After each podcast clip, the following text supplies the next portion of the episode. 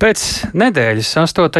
jūlijā ir paredzēta jaunievēlētā valsts prezidenta Edgara Rinkēviča inaugurācija, bet līdzinājais prezidents Egils Levits uzreiz pēc amata pilnvaru beigām sāks saņemt likumā noteikto nodrošinājumu pensiju. Tā būs 85% no prezidenta algas. Viņam būs arī valsts piešķirts auto, sekretārs, arī apsārdze.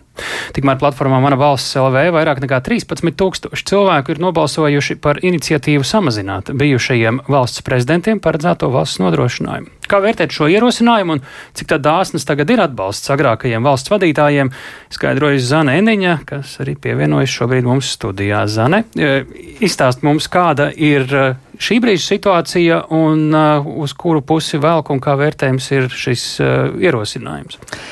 Mm, pašlaik ir tā, ka atstājot amatu, bijušais prezidents ik mēnesi saņem pensiju, kas vienāda ar 85% no valsts prezidenta ikmēneša atalgojuma. Kā liecina publiski pieejamā informācija, Egila Levita alga šogad ir gandrīz 8000 eiro mēnesī, 85%, ja pensijas lielums līdz ar to būtu nedaudz virs 6700 eiro. Vēl bez pensijas bijušajam valsts prezidentam pienāks arī auto un sekretārs uz visu mūžu, kā jau tu teici, un eh, četrus turpmākos gadus arī apsardze. Sekretāra algu maksā no valsts prezidenta kancelējas eh, budžeta, bet ap, m, auto un apsardzi nodrošina aizsardzības ministrija. Nepieciešamības gadījumā bijušais valsts galva reprezentācijas nolūkos var izmantot telpas valsts prezidenta pilī, bet tad katru reizi valsts prezidenta kancelēja lemj par to, vai tas gadījums ir atbilstošs.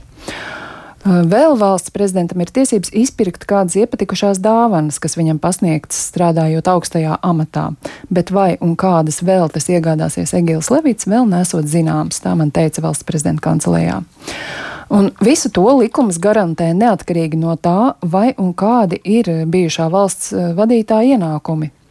Un jāteic, ka arī tad, ja valsts neko tādu nepiešķirtu, Egilam Levitam nebūtu jācieš trūkums.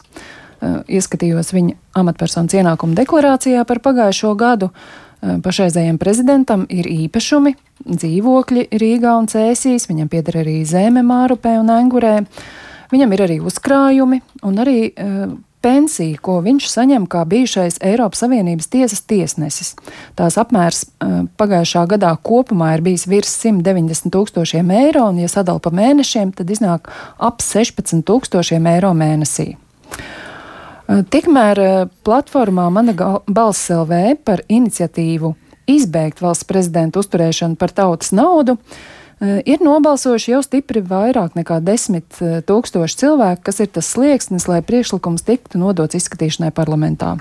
Ierosināts saglabāt samērīgas sociālās garantijas, un šis ierosinājums ir visai saprātīgs. Tā vērtē politologs Juris Rozenvalds. Paklausīsimies!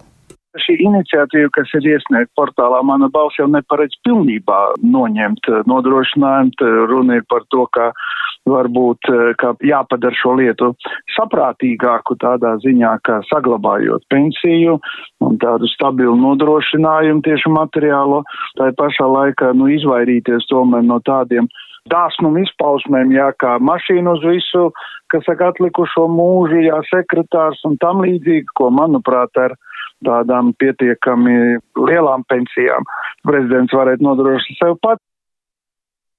Politologs arī norāda, ka Latvijai vispār raksturīgi ar vērienu atvēlēt dažādus labumus un priekšrocības, nereti vēlāk atduroties pret secinājumu, ka to nemaz īsti nevar atļauties, jo dārgi.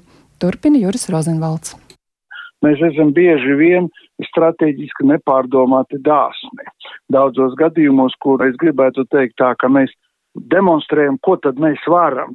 Nu, piemēram, tas pats ir diskusijas bijušas par ļoti dāsnām prēmijām sportistiem, jā, kas ir tā pārsniegt bieži vien to, ko bagāts valsts var atļauties. Jā. Tā ir pašā laikā nepietiekama atbalsta sportam. Jā. Vai ir tas pats piemērs, par ko ir runāts daudz, jā, kā sākumā mēs nodemosim plašu sirdi un sākam mēs Ukraiņu bēgļus viesnīcās izmitināsim, pēc tam konstatējam, ka naudas tomēr nav. Jāpiebilst, ka valsts prezidentiem garantēto labumu lokus jau ir sašaurināts.